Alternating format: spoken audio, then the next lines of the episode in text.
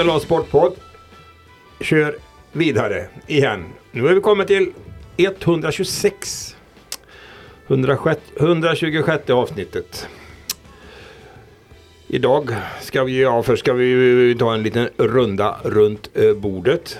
Eh, vi har ju stora allvarliga saker att behandla innan vi, från den stora världen tycker jag, innan vi går in på den lilla världen. Då vänder jag mig naturligtvis till Linus Hellman. Han är ju, representerar både stort och smått. Ja. Nobelpriset i litteratur tillkännagavs idag klockan 13.00 på torsdagen. Och då vill jag Ja. gärna höra en kommentar om detta. Ja, det, de klev ju ut där på Börshuset och talade om att John Fosse skulle få Nobelpriset i litteratur. En norrman. En norrman ja, som Jaha. eh, vad jag förstår har tillhört favoriterna till att få priset. Eh, en, ja, han verkar skriva på lite ny, ny, nytt sätt så att säga. Det Jaha. var någon som eh, sa att han var inspirerad av Samuel Beckett och det är ju en sån här irländsk författare som i väntan på Godot har han skrivit bland annat som Men det har du väl sett på Nej, teaterföreställningar? Ja, det kan ha hänt att jag har gjort det någon gång men Ja. det, ja. Nej men så det var ju Det var väl en favorit alltså som fick priset. Men han kanske känns lite, känns han kanske lite lagom lättillgänglig också för oss vanliga medborgare? Vad tror du? Ja, lite mer så än vad det kanske har varit historiskt tidigare på de som har vunnit. Ja precis, så är det väl. Vi kanske får ta upp det här med, jag vet ju du, dis- du diskuterar ju lite sådana här saker ibland med Skövde HF tränare Daniel Birkelund. Ja, just det. ja, det, det är ju norrman så vi får fråga om det är någonting han har läst där. Då, Ja det måste vi, det får vi ha. Det är lite svårt att få tag på nu på eftermiddagen. Ja. När vi spelar in det är de ju på väg ner och spelar Svenska Cupen mot Helsingborg. Just det. HF. Så då får vi hoppas att det, att det gick bra får vi väl säga då när vi sänder det här Mm. och det tror vi väl. Eh, det var det. Hur har vi haft det annars Linus? Ja, det har ju varit mest arbete kan man ju säga. Det är ju, jag är ju inne i den här långa perioden så att det var ju Det var faktiskt en riktigt hektisk helg med eh, mer fokus på breddidrott då, eller lite så. Ja precis, jag glömde en sak till den stora världen. Det måste vi också kommentera. Ja. Du håller ju på, jag såg att du hade skrivit en krönika om Karl-Erik Nilsson. Ja, Och hans uh, förehavanden kan man säga så? ja hans sviktande omdöme var väl det hela. Han, har ju, han sitter ju på två stolar. Han är ju sedan eh, maj Riksidrottsförbundets ordförande men han har ju också en restpost sedan han var ordförande i Svenska Fotbollförbundet. Att han är med i Uefa då som vice ordförande. Och där nere har han ju agerat då i, i Uefa att eh, börja ja, släppa in ryska lag i värmen igen då helt enkelt. Men du kräver Karl-Erik Nilssons avgång?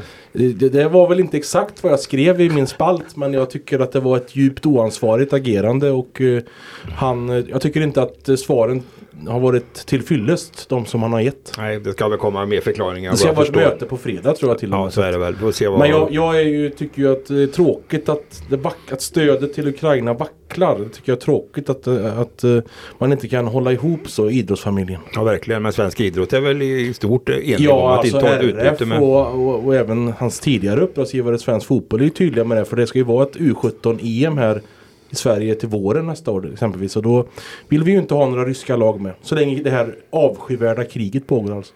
Så är det ju. Men då lär man sig en sak här som vi kan ta med oss, eller inte vi, men många i vår kanske både närhet som vi känner till. Ja, Farligt att sitta på för många stolar samtidigt. ja och framför, det ska man absolut inte göra.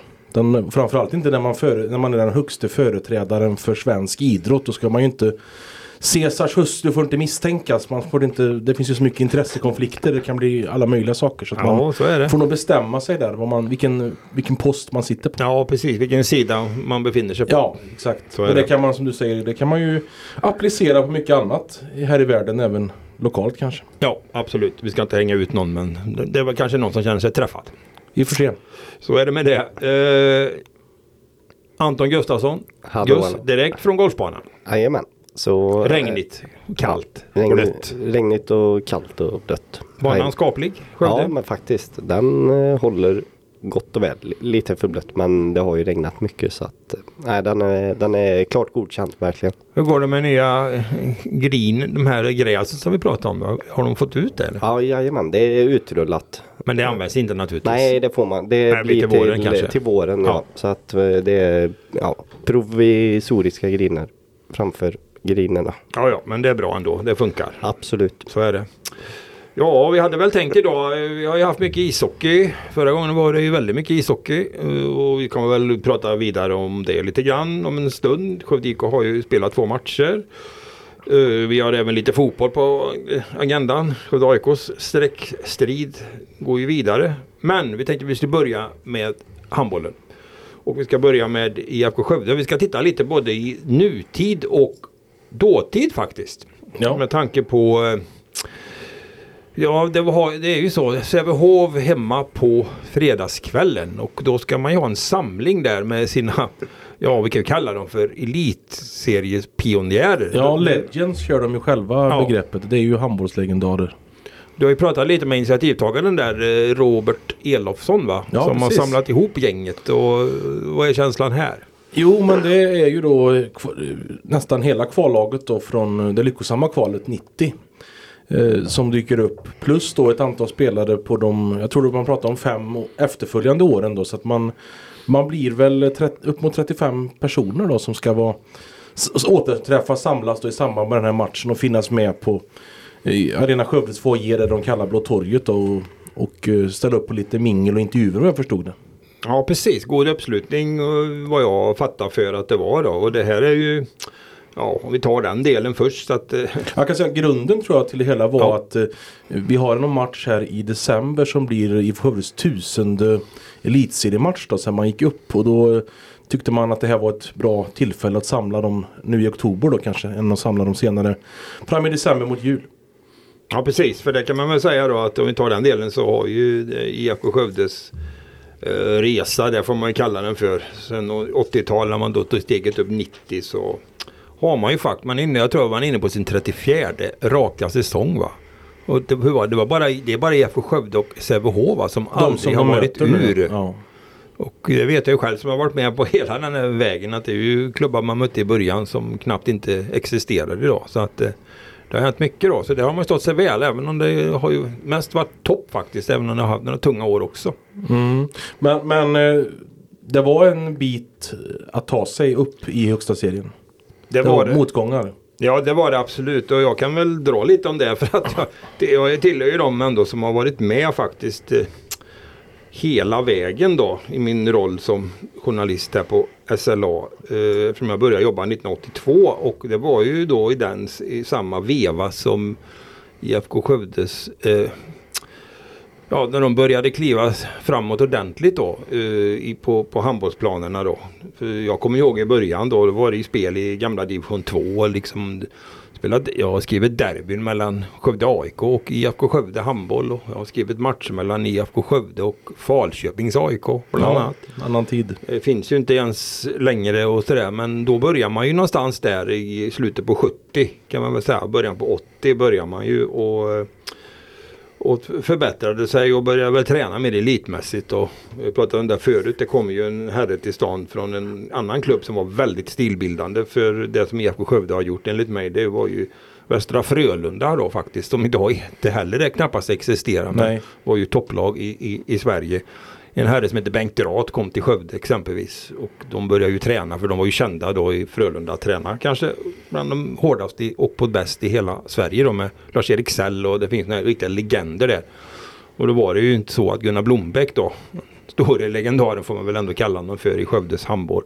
Spelade ju i Västra Frölunda under några säsonger och kom ju sen hem till Skövde och den det som hade påbörjats då, kanske av Bengt Rater om det fullföljdes ju sen av, av Gunnar. Men man ska ha klart för sig att den resan var ju inte heller enkel för att det var ju fyra missade kvalspel på 80-talet innan man då äntligen kunde ta klivet upp 1990. Ja, i april där är det historiska datumet. va? Det är det absolut då. Och eh, då kan man väl säga att eh, om jag kommer ihåg rätt så var det väl så att man tyckte väl egentligen att IFK Skövde på pappret hade haft bättre lag innan då. Och gjort faktiskt väldigt, väldigt bra resultat. Man vann Svenska Kuppen som var högt rankad på den tiden. 87, va? 87 ja absolut. Och man, jag kommer ihåg man skrev, jag har skrivit cupmatcher då innan de gick upp när de spelade i serien under då. När man slog både Lugi, man vann mot Drott hemma. Eh, exempelvis man slog Heim som var ett storlag också. Så man hade ju börjat göra avtryck efter sig. Och fick ju då i den perioden också ett eh, man tappar ju spelare faktiskt då. För det var ju så att grunden till det här lades ju av spelare födda 1964. Och det var Robert Wedberg, Inge Johansson, Magnus Frisk och Magnus Börjesson. Det var ju de som egentligen lyftes upp då eh, och tränade av, eh, och Gunnar fanns ju med. Kjelle Larsson är ju ett annat namn som varit viktigt för IFK Skövde under den perioden. Och började satsa på dem underifrån och till slut så lyckades ju det. Men då hade ju Inge Johansson och Robert Wedberg och även Magnus Börjesson lämnat. Mm. De var så pass bra så de hade blivit värvade då till högsta serien. Eh, Wedberg då som är kanske var han generalsekreterare i handbollsförbundet idag va? Någonting. Ja, stämmer. Han eh, blev värvad till Sävehof. Han vart ju kvar där, är en legendar i Sävehof. Magnus Börjesson försvann ju också till Sävehof. Han var ju både spelare och tränare där. Inge Johansson värvades då till Katrineholm. Som då var uppe i högsta serien. Kom ju tillbaka sen efter några år Inge då men eh, men det var väl så. Jag kommer ihåg så väl Gunnar Blomberg sa till mig att ja, ja, de får väl skylla sig själva att de inte hade tid att vänta. Ungefär lite halv, halv, på skämt då ändå. Ja. Så han plockade ju hit som jag kommer ihåg Robert Elofsson då, målvakt då. Ja. Och han plockade in en kille som heter Johan Gustafsson. De båda från Helton i Karlstad som var bra på den tiden också under högsta serien. Kille från, hade bott här någon runt Anders Larsson kom från Hoppe Varta. Så han plockade ihop ett lag eh, då, Blomberg kan man säga. Och det gick upp då. Sen var det väl en bedrift att man hänger kvar också sen när man har tagit sig upp. Det kanske inte heller är alldeles givet. Nej, det gjorde man ju. Och sen kom det ju in lite förstärkningar efter, under resans gång då. Det har vi ju alla sett. Alexander Sokol exempelvis värvades från Sovjetunionen. Från klubb, tror jag hette Neva Leningrad. Ja. Under hans tid i Skövde så rasade ju muren och uh, Sovjetunionen upplöstes ju. Och nu vet vi vad som har hänt. Vi ja. har ju fått rapporter från Sokol. Han sitter ju i Zaporozhye i Ukraina vad jag vet. Ja. Och det har väl ganska jobbigt. Och sådär. Men det var ju några som kom till där då. Och det ska man ju veta då att uh, de man var ju nästan topplag direkt. Man missade slutspel första året. Det var en publikmatch tror jag, sista med nästan 3000 personer. Man fick spela i Billingehov då. Eftersom ja, ja. Eh, idrottshallen tog ju de här 1500 men man valde ju och hade ju riktiga publikfester alltså under 90-tal. I ända det arenan byggdes med upp över 3000. Inte minst kuppspel då? Absolut och slutspelsmatcher och legendariska matcher mot Redbergslid när IFK Skövde hade riktigt bra lag men då ställdes man ju mot sådana här spelare som Stefan Lövgren, Peter Gensel, Jubomir Vranjes. Liksom. Mm. Det, var, det var inte så många som var proffs på den tiden. Utan det, var ju, det var ju under Bengans Boys storhetstid. Så att eh, om man hoppar lite i ämnena så kan jag ju tycka att sådana här spelare som Mats Ljungqvist och sådana har vi aldrig spelat i landslaget. Men att de var inte så lätt att låsa in i det där gänget precis. För Sverige var ju bäst i världen nästan. Ja. Nej men så var det väl och de hängde kvar och det var ju slutspel i stort sett varenda år sedan. Många, många år alltså. Kvartsfinal och det var framförallt semifinaler. Det var många holmgångar med det här Redbergslid som man nog kom aldrig mm. kom förbi då. Utan eh, de gjorde det bra och jag kan väl hävda att, eh, man fortsätter att eh, jag tror ju och är ganska säker på om att de här fyra missade kvalen som IFK Skövde åkte på den här etableringen under i stort sett hela 80-talet det är den som gjorde att IFK Skövde när de väl var där uppe hade ju etablerat sig som förening både med organisation och, och verksamhet överhuvudtaget så man klarade av det. Mm. Hade man kanske gått upp redan 83-84 kanske bara blivit ett år. Det vet man ju inte, det är hypotetiskt va. Men jag tror att det kan man också lära sig av vad många går upp. Alltså att man måste ha hela biten på plats. Och de här missarna tror jag hjälpte till faktiskt. Man anställde klubbdirektörer och man, ja, man växte då så att man var moget. Och det är starkt gjort, aldrig ramlat ur. Nej exakt, det har väl varit nära vid några tillfällen. Det var väl något kritiskt då. Jag tror, jag tror att det är 14-15 i en kvalserie när man hade den. Ja. Det var, då, så nära att råka ur har man ju aldrig varit sedan dess. Även om det var någon matchserie sen med kval också. Men just där var det ju där var man faktiskt illa ute och var beroende av resultat för att till och med göra det. Det var ju så då. Då är det ju ändå ganska många år sedan man gick upp. Då, ja. Så att, eh, det är klart att någon gång så kanske man, det har vi ju sett i andra sporter. Dippar, ja. HV71 och Brynäs alla möjliga ramlar ur fast de har en enorm historia liksom. Så att, eh, nej, det måste man ge dem då. Och det ska bli kul tycker jag. Att de här, kul att de här killarna, många utav dem eh, känner vi ju till också idag som en del. En del är ju verksamma inom handbollen fortfarande som var med då. Eh, och en del har ju, skriver jag ju om deras barn nu då. Det var också lite lustigt. Mm. Mats Ljungqvists söner. Robert Elofssons, eh, William och även hon Fanny som spelar i Önnered. Och det Ja. finns ju många exempel på, på de här. Så att det är ju generationer som har, eh, Claes Wahlström var ju med, har ju Emma Wahlström i Hallby exempelvis. Att, så det har ju blivit, man har ju gått vidare så att de här pionjärerna är, har ju varit otroligt viktiga för hela Skövdes eh, handboll. Att de har klarat sig och ligga kvar på den nivån. Ja exakt. Vi hade väl 2012, 2019 en liten depp. Vi hade saknade slutspel om jag förstår saken rätt. Om man går tillbaka. Så att vi har ju kommit tillbaka dit nu på sista 5-6 åren igen. Ett uppsving då. Ja, så har det ju blivit. Det var ju absolut, det- ja det vet vi alla hur det har sett ut och med de gjorde. Nu är det väl kanske lite svajigare igen. Ja, det, det sammanföljer med ekonomi också i det Ja. hela. Det är ju det, ofta gör det ju det. Ja det gör ju det och det har ju, tycker jag ju historiskt sett så har ju IFK Skövde alltid klarat sig väldigt bra. Utan sen var det ju de här dipparna som har blivit då. Och, och de har vi pratat mycket om tidigare men just i det här fallet när det var 90-tal och när man upp och skrev om det här så var det ju bara positivt får man ändå säga. Så det var inte mycket och det mesta gick ju bra. Ja men även, in, gick ju även, uppåt va? även in på 2000-talet Ja. med den nya arenan och så, de, och så den här enorma titeln i Europacupen då. Mm. Så är det ju. Men hur, jag var lite nyfiken på Mm. hur, var, hur var det här laget som gick upp? Vad var det för liksom, typ av handboll de spelade? Jag förstår ju, jag har inga egna minnen eftersom jag Nej, inte ni var, var född precis då, födda då. 89 och 90 Nej, men jag, menar, jag, menar, jag förstår ju att handbollen skiljer sig åt mycket men vad var det? Var det mycket kraft eller var det lirarlag eller minns du det? Eller? Ja det minns jag ju absolut. Och, alltså, hela den eh, saken enligt min uppfattning bygger ju på en snabb handboll där man springer mycket då.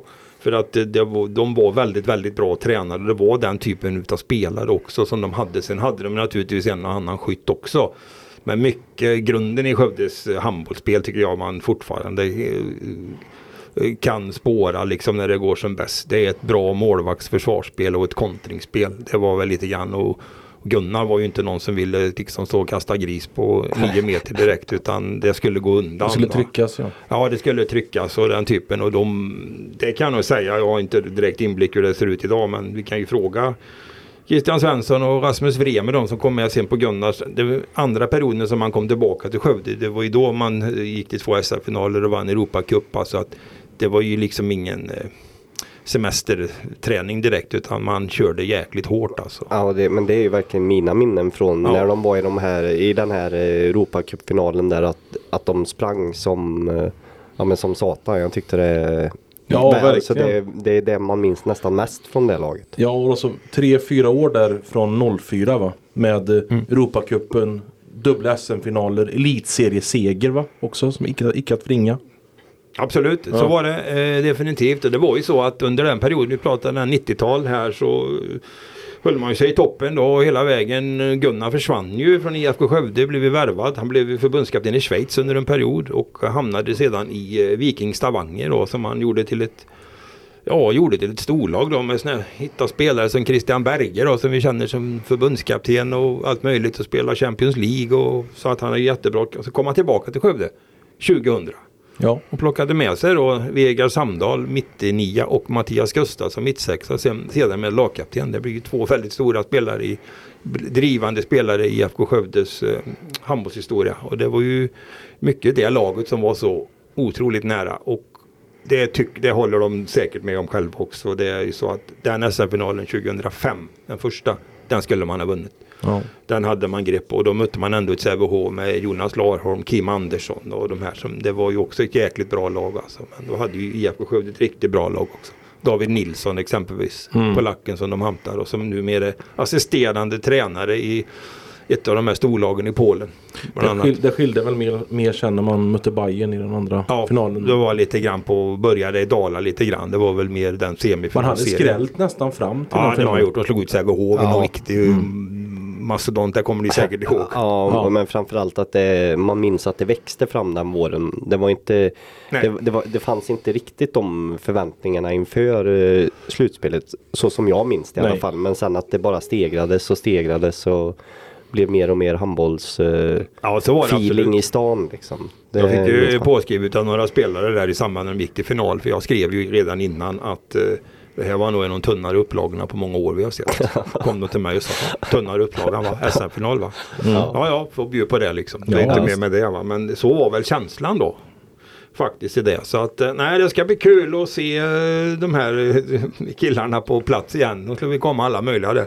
Micke Sjölin var ju en f- Färjestad kantspelare från Stockholm som var en riktig trollgubbe och hela den biten. Så att eh, nej. Det, nej, det Kul bli- initiativ är det faktiskt. Ja, Ja, det, det ja, man det, det, blir, det, blir, det blir det verkligen, det måste jag säga. Så att, eh, det kommer säkert att locka lite folk. Sen har vi ju matchen också då. Mm. Ska prata lite nutid. Ja exakt. Det har, ja vad ska Det vi säga? svänger om handbollsligan kan man väl säga. Ja. Jag är, är väl rätt så förbryllad när man ser resultaten från omgång till omgång vad lag gör i förhållande till tidigare insatser. Ja. Ja, verkligen. Det är svårt att Ja, det är svårt att förstå ganska många resultat. Många lag som var väntade och var i toppen som inte har börjat så starkt. Och, ja, nykomlingen Amo som går jättestarkt och IFK är väl någonstans mitt emellan. Nu har det varit en ganska tung blåvit eh, veckan då. ja, två sista matcherna har ju varit tunga för dem alltså, det måste man säga. Ja verkligen. Det, kan ju ta avstamp i den som skedde på... Ja, skrev ju den mot Malmö då. Man leder med 29-27. De får en straff, ett straffkast med 45 sekunder kvar. Gör 29-28 och sen tar IFK ett ganska förhastat avslut och så tar de timeout och så sätter de 29 lika och så är matchen slut. så Tappar man blev, poäng. en, blev två poäng in på ett par sekunder. Ja, och uh, Eskilstuna-matchen såg ni också. Den såg ni så att... eh, Ja, och där var det ju... Ja, det stod väl och vägde inför sista minuterna.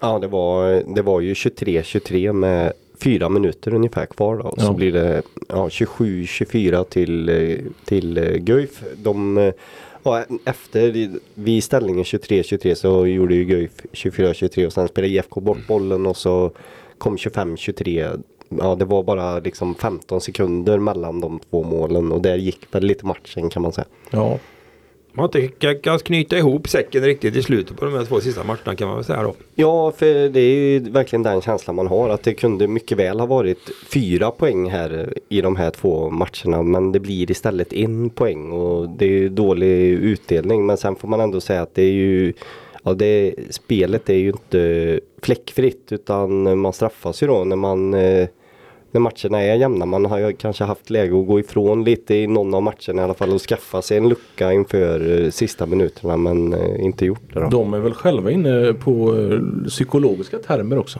Ja, absolut. Det sa ju Christian Svensson. Han var ju väldigt tydlig med att det var ja, dåligt självförtroende och ja, mental kollaps och liknande ord användande och jag vet inte, det, det är möjligt men jag tycker det är lite tidigt kanske på säsongen. Ja, och, tre, fyra tre matcher. Ja, eller fyra matcher. och dippa i självförtroendet för det Ja visst det har inte varit Det har inte varit något eh, kanonspel men det har inte varit eh, fullständigt uselt heller då tycker inte jag. Nej, man, man, det är ju liksom bara Amo och Hammarby som har full pott här. Och tittar Ja. man på tabellen. Ja, efter fyra omgångar så har man lika många poäng som Önnered. Ett Önnered som tog en ganska komfortabel seger mot Skövde i premiären. Och sen har det ju hänt grejer. Sen slog man ju liksom Alingsås hemma på ett jätteklart sätt i Skövde. Ja, Och visst. så nu de här två insatserna då.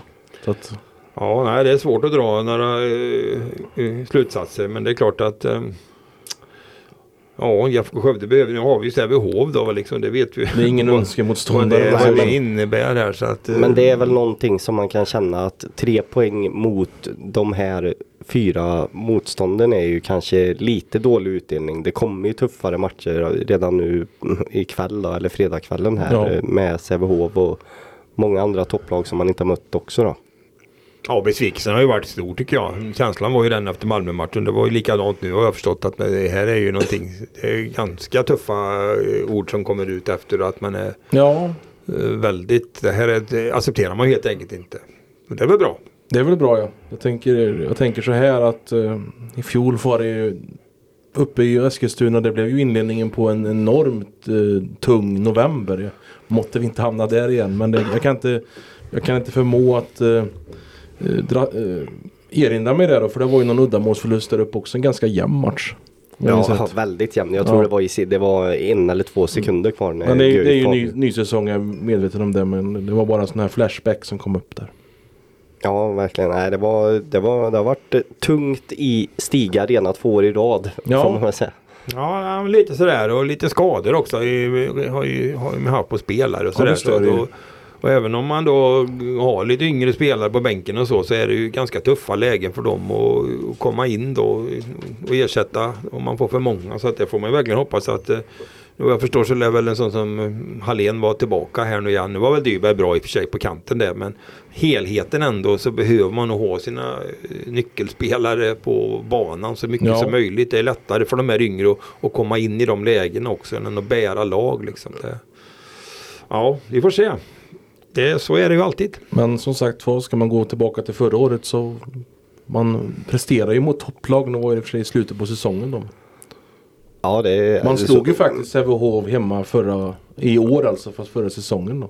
Ja. Det var ganska stort då för Signell fick ju vinna äntligen då mot sitt lag. Ja just det, så var det. Nej men det, jag, jag vet inte, jag tycker ändå det som oroar är lite att de kör ju på, på de de har då mm. och ändå inte riktigt får ut, man hade hoppats på att de skulle få ut mer av ett gäng spelare men det känns liksom som att det inte riktigt eh, det är inte kuggar man i som nej. man brukar säga då. Och sen får man ju också säga att eh, det har, har, ju inte varit något eh, vidare målvaktsspel i inledningen på säsongen. Även man förstår jag ju och det sa ju Christian Svensson till mig efter matchen också att det hänger givetvis ihop målvaktsspel och försvarsspel så att eh, jag är inte ute efter att hänga Anton Hagvall eller Håvard här men inför säsongen så var det mycket snack om Absolut. att eh, IFK har bättre målvakter i år än förra året och det har vi i alla fall inte sett eh, så mycket av i inledningen Nej, de fick på den här ihop det, det är bra att du säger det för de fick ihop det ordentligt hemma mot Alingsås. Då blev, vinner man med 28-20. Ja. Och då var de väldigt glada över det för att den kunde de knappt inte komma ihåg att när, när de släppte in så lite som 20 mål och då var ju Anton Hagvall väldigt, väldigt bra. Ja. Sen har det väl varit, nu var det sex räddningar och mot Malmö var det ju inte många heller och, och det jag vill sätta på Håvard Åsheim så här långt har ju inte kommit åt bollarna alls egentligen. Nej, det var väl inte helt kurant sist heller. Nej, så är det kanske. Nej. Och, nej. nej. men det är ju mot Guif här då så var det ju två räddningar i första halvlek och då då är det ändå jämnt. Några ja, fler visst. räddningar så har man kanske ja. en liten lucka där att spela på men Malmö var ju noll. Ja. Så att, och då ligger man ändå under med ett bara. Så att, ja. Så att eh, ja. det är väl eh, Ja, man får väl se det på vilket sätt man vill men det kan ju vara en möjlighet att när, om målvaktsspelet kommer igång lite så kommer det se bättre ut. Finns en, eh, en potential. Förbättringspotential. ja, ja, bra uttryck. ja. Nej så är det väl. Nej men det ska bli spännande att se. Det rullar ju på nu hela tiden. Det, matcherna kommer ju ganska tätt på herrsidan i alla fall. Så är det. nästan slutspelstempo här mellan varven. Ja. precis. Jag kommer inte riktigt ihåg hur det ser ut efter sen men eh, Nej, det, men, men jag har inte schemat framför mig här heller. Men, men det är ju det är ibland Det känns som att det är lite tätare än vad det varit tidigare. Så är det. Ja men, nej, men vi får se då. Det är, ja, det är, väldigt, det är, det är lite för tidigt ja. än att uh, Ja, det, det, svänger, det, svänger lite för mycket tycker jag om de här. Jag, jag, jag blir inte riktigt klok på det. Jag menar Kristianstad här också. Tre poäng på fyra ja. matcher. Och, ja. Nej, det är lite underligt. ja så är det verkligen, verkligen. Det är väl Amo då som går på i 280 kilometer. Ja. Så är det. Ja, men vi får, vi får återkomma. Eh, vi byter tycker jag. Vi går över och pratar lite fotboll och då, är det ju, då landar vi ju naturligtvis på Skövde AIK då som eh, Ja, vi satt ju här förra veckan och pratade om att nu har man verkligen häng och, och, och sådär och nu ser det, har man ju börjat göra mål och allt möjligt och håller tätt bakåt. Och. Sen åker man upp till Borlänge och förlorar mot Brage med 3-2. Matchen var inte så jämn som slutresultatet antyder utan den matchen kunde Brage vunnit betydligt större enligt mig. Tyckte det var närmare 5-1 då. 3-2 målet kom ju på stopptid dessutom, ja. reduceringen för Skövde AIK. Det var ju efter att eh, Braga hade gjort 3 så var det ju en eh, kavalkad av chanser. Det var ju Filip Schyberg som räddade på mållinjen och det var ja, även fina, räddningar, fina räddningar i målet också. precis. Så att, eh, eh, nej men det, det, det, var ju Det var väl helt enkelt en ganska odiskutabel seger ja. för Braga. Om man Braga var bra. Ja de var bra. Det är ju ett etablerat lag i Superettan får man ändå säga. Det var ju ett snabbt vattnat konstgräs som inte tydligen passar var det någon som sa i halvlek. Nej, att det precis. går lite för snabbt här. Mm. Men nu har vi Skövde spelat färdigt på konstgräs. Fan. Ja, den här säsongen. det stämmer. Nu är det inga konstgräsmatcher kvar för dem. Vilket kanske är bra för de har alltså tagit en poäng på konstgräs i år. och det var i april hemma mot Jönköping Södra på Borås Arena. Usch, det låter inget vidare. Och framförallt så har man inte tagit speciellt mer, ja, fyra poäng utanför skytteskyltarna också. Ja, så att, så att egentligen är det väl det bort, ju- bortaspelet som är det stora Men det problemet. låter ju hemskt där eftersom vi ska få konstgräs kanske i Skövde från och med Ja, i näst- ja, då nästa blir år. Skövde ett Ja. bortalag istället då. Ja, då blir det då blir det inga poäng alls. Helt plötsligt. Nej, inte enligt det resonemanget. Nej, nej, men det det är klart, inte så enkelt men, eh, naturligtvis. Men eh, det är nej. klart att man är starka hemma och folk gillar ju inte, de gillar ju inte att komma hit, det märks ju. Men ta, ta, tar man matchen som sådan Ja. då så höll, det var ju mållös tillställning rätt så länge ändå. Sen blev det ju en kontring när Skövde AIK gick bort sig framåt som Brage Ja, gjorde, gjorde 1-0 på. Men sen så blev det ju en snabb replik. Jag menar Isak Bjerkeby gjorde ju ett riktigt drömmål enligt min uppfattning när han lobbar in eh, 1-1 Ja. eh, där. är det. Det var riktiga känslor. Ja, det var faktiskt otroligt snyggt. Ja, alltså, nästan för det, sm- ja, lyfter in den med... Ja. Alltså, inte, Zlatan gjorde väl en cykelspark? Ja, det gjorde han. ja, det Men det var ju nog det jättehållet bättre. i alla fall. Han, Ja. han såg ju målvakt var lång. Nej, det var jättesnyggt. Och sen, sen var det mycket Brage men eh, ja. SAIK fredade sig men till slut så kom ju det här 2-1 målet precis före pausvilan då. Sant? Det Ja. var, måste ju varit väldigt tungt Ja, att gå in i paus där med det målet bakåt. Och så Ja. kommer 3 ganska snabbt va? Ja det tog bara 5-6 minuter tror jag. Ja, var också en kanonträff han fick utanför straffområdet. Ja, där. fick ju ganska stora arealer där och tillåts skjuta. Sen gjorde Camden Tibell mål också idag. För andra Ja, matchen precis. Ja, två, Två avslut i Superettan och två mål. Fick ju hoppa in och ta chansen då liksom. Ja. Ja, det, Det är roligt var fint anfall, fint inlägg tror jag. Det var, Ja. det var nog Samuel Sörman tror jag som slog inlägget va? ja, det var det. Så var det. Så att vi får plocka med oss dem. Och nu har vi Gävle hemma på lördag klockan 15 på Södermalm. Och jag vill nog tro att om man inte om man fortsätter på det man har visat upp de sista eh, veckorna så har man absolut en väldigt stor segerchans mot Gävle hemma på lördag eftermiddag. Gävle som är uppe i tabellen en bit och är väl i princip inte klara kan ju ingen vara än men de ligger inte på farozonen. Nej, de har ju sina ner. 33 poäng Ja, liksom. jag menar det. Där har man och de kanske går i spåren efter Sundsvall och Östersund. Och de tyckte inte det var så kul att komma till Skövde. Nej, rent matematiskt så får man nog se det som så att eh, vi behöver ha fyra segrar här på de sista fem matcherna. Ja, det, det börjar nog vara så pass många som kommer krävas. Det, Gävle hemma är det ju, ja det är inte mycket att snacka om egentligen utan det är ju tre poäng som, som gäller om man har tänkt Ja. att undvika att åka ur. Det är svårt att se att det kommer hålla och ta ett kryss här till exempel Nej. och sen rädda det de sista då matcherna utan det är nog en trepoängare som Och sen krävs. har du en riktig ödesmatch då mot J Södra omgången därefter. Ni södra borta. Det är Sen väl lämpligt att ta den där borta triumfen då om man nu ska ta den någon gång. Sen Det har man- kommer man ju behöva göra alltså. Och sen Ja. har man utsikten hemma. Ett utsikten som Ja men det, de har ju fullständigt klappat Ja. ihop så att eh, den går ju absolut att, att vinna Räkna om man säger på. så. Det, det är väl egentligen i Superettan är det ju inte särskilt många omöjliga matcher att vinna utan det är ju jämnt eh, väldigt ofta då. Men utsikten hemma tror jag kan vara en, Har man det. en, bra, bekym- en bra match. Bekymret sist var ju att läget försämrades då. Ja, ja, borta. självklart. Vi får ju ta det då att de här lagen tog poäng. Exempelvis Eskilstuna fick ju ett poäng då. Mot utsikt. Mot Utsikten. Ja, Borta. Man ledde den. Var tur de inte vann då. ja det kunde till och med blivit en trea där. Men. Helsingborg är ju på väg. Det var ju som jag sa. Jag tror, Ja. jag tror fortfarande som jag har sagt tidigare. Vi har pratat om det. Att finns det, det är två lag man kan ha bakom sig. Och då är det i så fall Örgryte och AFC Eskilstuna. Ja. Och det är ju... Eftersom man har slått Örgryte två gånger också. Ja, Ja. Eskilstuna en gång. Ja.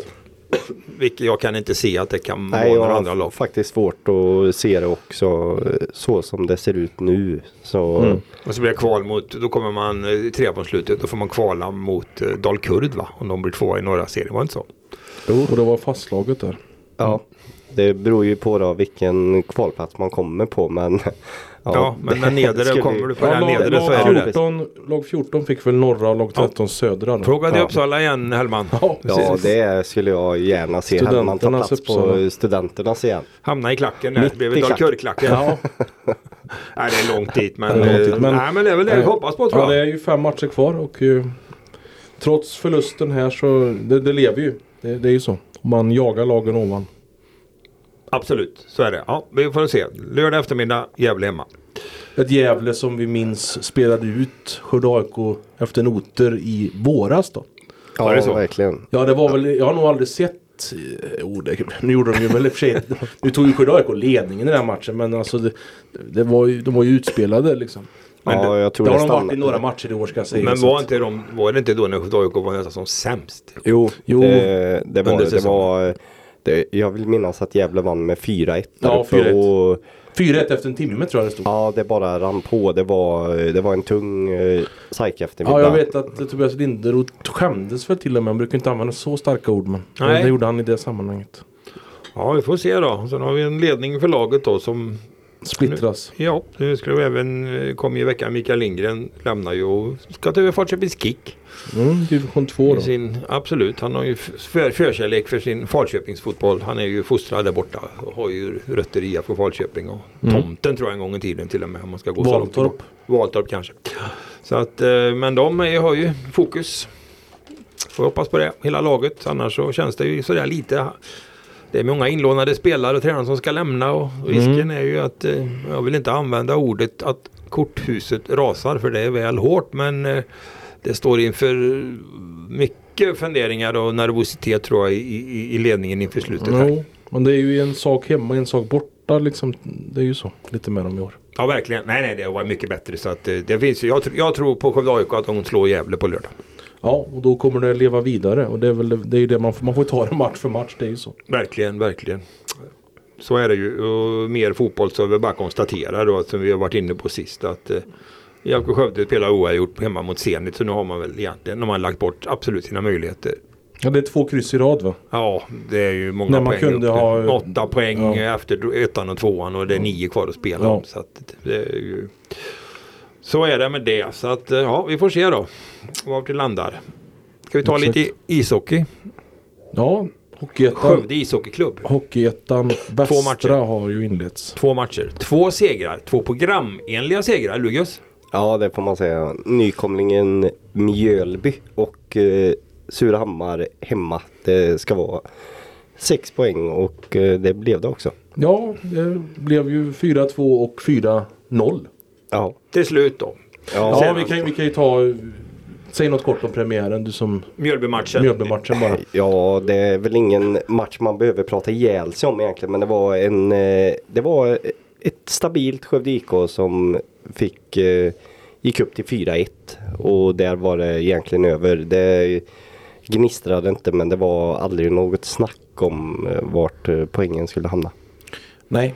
Sen var det hemmapremiär då. Ja men det var väl, det stod, stod väl, satt väl långt inne som det. Oh, ja, det gjorde det. Jag var, eh, rikt, eller, man var lite besviken faktiskt på de två inledande perioderna. Jag läste din live-rapportering. Du skrev, Jag har svårt att se att det kan bli några mål i den här matchen. Ja, jag började tvivla Början på på det. tredje. Jag började tvivla då för jag tyckte det var så tama och uddlösa avslut Ja, vet, och så. absolut. Men eh, eh, Man vill ju ha slagskott. Ja, jo, det vill jag ha. Nej men alltså tyckte inte riktigt det var den där hettan heller. Det var inte så, det var, ska inte, man ska inte åka ut på utvisningar men liksom det fanns inte tacklingar heller fullt ut. Det var en ganska slätstruken match som bara förlöpte. Liksom. Ja, det var väl någon som var inne på att det var nästan lite träningsmatch. Ja, här. lite den känslan fick man ju definitivt. Men sen så blev det ju då den här berömda ketchup-effekten då.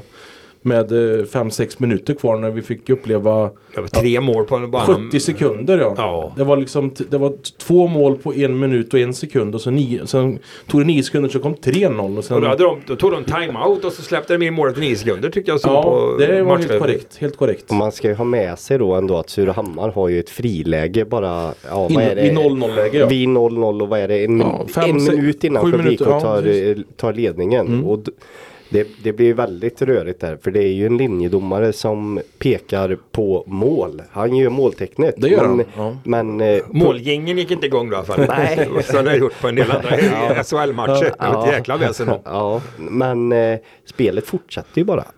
Och det, jag tror inte att det är någon avblåsning innan Skövde Nej, det är därför det blir sådana Så protester det efter blir- målet så- som är inget konstigt i sig. Men det är ju den där förra... Nej det får vi vara tydliga med att pucken, det var inte mål. eh, Men det blir ändå lite rörigt jag upplever inte att det är mål men, men eh, visst, det, målkamera hade ju varit trevligt.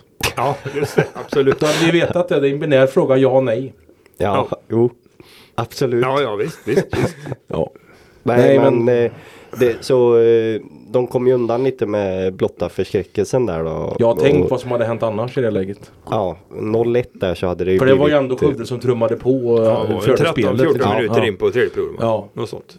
Ja precis. Ja. Och sj- sj- Jag tror det var 41-18 skott. Där säger väl lite om hur Ja, det ja, såg ja, ut. ja, ja. eh, Även om Surahammar hade sina framstötar. Men än så länge så tycker jag det ser ut som, vi satt ju här och, och, och tippade vilka fem som skulle gå till allettan och det ser väl redan ut som det börjar, efter två omgångar, det är ju väl tidigt men eh, Ja. det ser ut som det skiljer en del. Var det inte var väldigt stora siffror i, i en del Jo, har varit i verkligen. premiären va? Ja, Falu som är nykomling åkte ju till Tranås och fick stryk med 10-1. Ja, i Ja. premiär. Ja. Ja. Jag fäster inte så, I grunden fäster jag inte så stor vikt på hur det liksom ser ut så. Så länge man bara tar sina poäng och vinner i en grundserie. För det är ju Det ska ju bara samlas poäng här i det här läget. Här, nu har du Borlänge på söndag. Det är också Ja. en match som man då ska um, ha en tillräcklig trupp för att åka och vinna. Och sen smäller det ju på onsdag då i Billingehov med derby. Ja, det blir Mariestad. ju, Ja, det blir ju där hemma. Kan ha två obesegrade lag. De har Dalen nu såg jag på fredag. Uh, uh, boys i den här omgången. Sen har de ju match på söndag också då. Jag kommer ihåg riktigt vilka det var mot. Men de, eh, det ser ju ut som att man skulle kunna komma dit hem kanske. Att det är med två obesegrade lag som möts. Ja, det får man säga att det ligger i linjen. Att det är två lag på nio poäng som Jag noterade att vi passerade tusen-gränsen då på publik Ja. här i premiären. Vilket får man beteckna som en bra siffra. Ja, i nu, Skövdeidrotten är väldigt nu bra. för tiden i Skövdeidrotten. Så ja. är det. Och ett derby hemma med två lag som har gått starkt. Det kan man väl räkna med det dubbla åtminstone eller? Ja, det skulle Ja. jag verkligen tro. Det Mm. finns väl inget som säger att det skulle vara under 2000. Nej, det låter ju spännande tidigt så. Och eh, Ja, det är ju väldigt många nya spelare att ta in och lära i Skövde IK här den här säsongen kan man konstatera. Ja, verkligen. Och det man kan säga då från de här två första matcherna är väl att båda målvakterna har Mm. sett eh, bra ut. Karl Hjelm, norrlänningen och eh, Felix Tengvall som är, är han skåning. Ja, Jajamän. ja.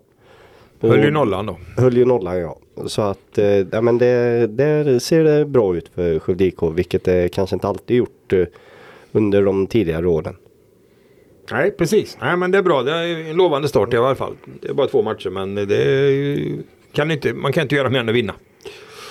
Så är det med det. Eh, ja, har vi något mer, Hellman? Någonting att, som vi har glömt? Nej jag vet inte det är ju eh, Ja man kan ju titta, Kan titta framåt. kan man, göra. man kan titta ner i fot, man kan titta ner i fotbollen och allt möjligt. Det finns någon som Ja. Det är ju sista omgången Ja, nu den, i de här eh, eh, lägre serierna. Det är nu som det ska avgöras där. Det är väl lite kittlande. Ja, det är väl i division 4 vi pratar om då. Ja det blir ju Bland annat. Det blir det ju absolut. Eh, Det, är vilka, vilka ska, det mest spännande är vilka som ska undvika att åka ur. Ja exakt. Om det är Versos eller Fagersanna eller? De är involverade där. FFK också. Tre lag. Sen, har vi ja, ju, så är det ju. sen är det ju roligt att se att eh, vi, Korsberga kan avancera. Ja, de ska ju möta Lundsbrunn. Som ja. finns med 0-18 senast mot Valtorp. Mm. Som de har haft hemska problem. Ja, de Mm. har haft hemska problem. Det är, Så det är Vad det beror ju på ingen aning om, men- upplagt för en serieseger där. ja, då tror jag första gången va? Spelat division 4 på Kullaborg. Ja, de har aldrig varit uppe så högt i seriesystemet. Så det blir ju exakt. en, kan bli ett historiskt avancemang ändå. Ja, och Absolut. sen är det väl, jag kan nämna, det är väl en rolig lördag även för country. Ja, ska ju ladda just det, upp det just med idrottshallen med tre matcher. Jajamän, det blir kollision igen då uppe på södra idrottsplatsen. det blir För det att, faktiskt eh, då ja.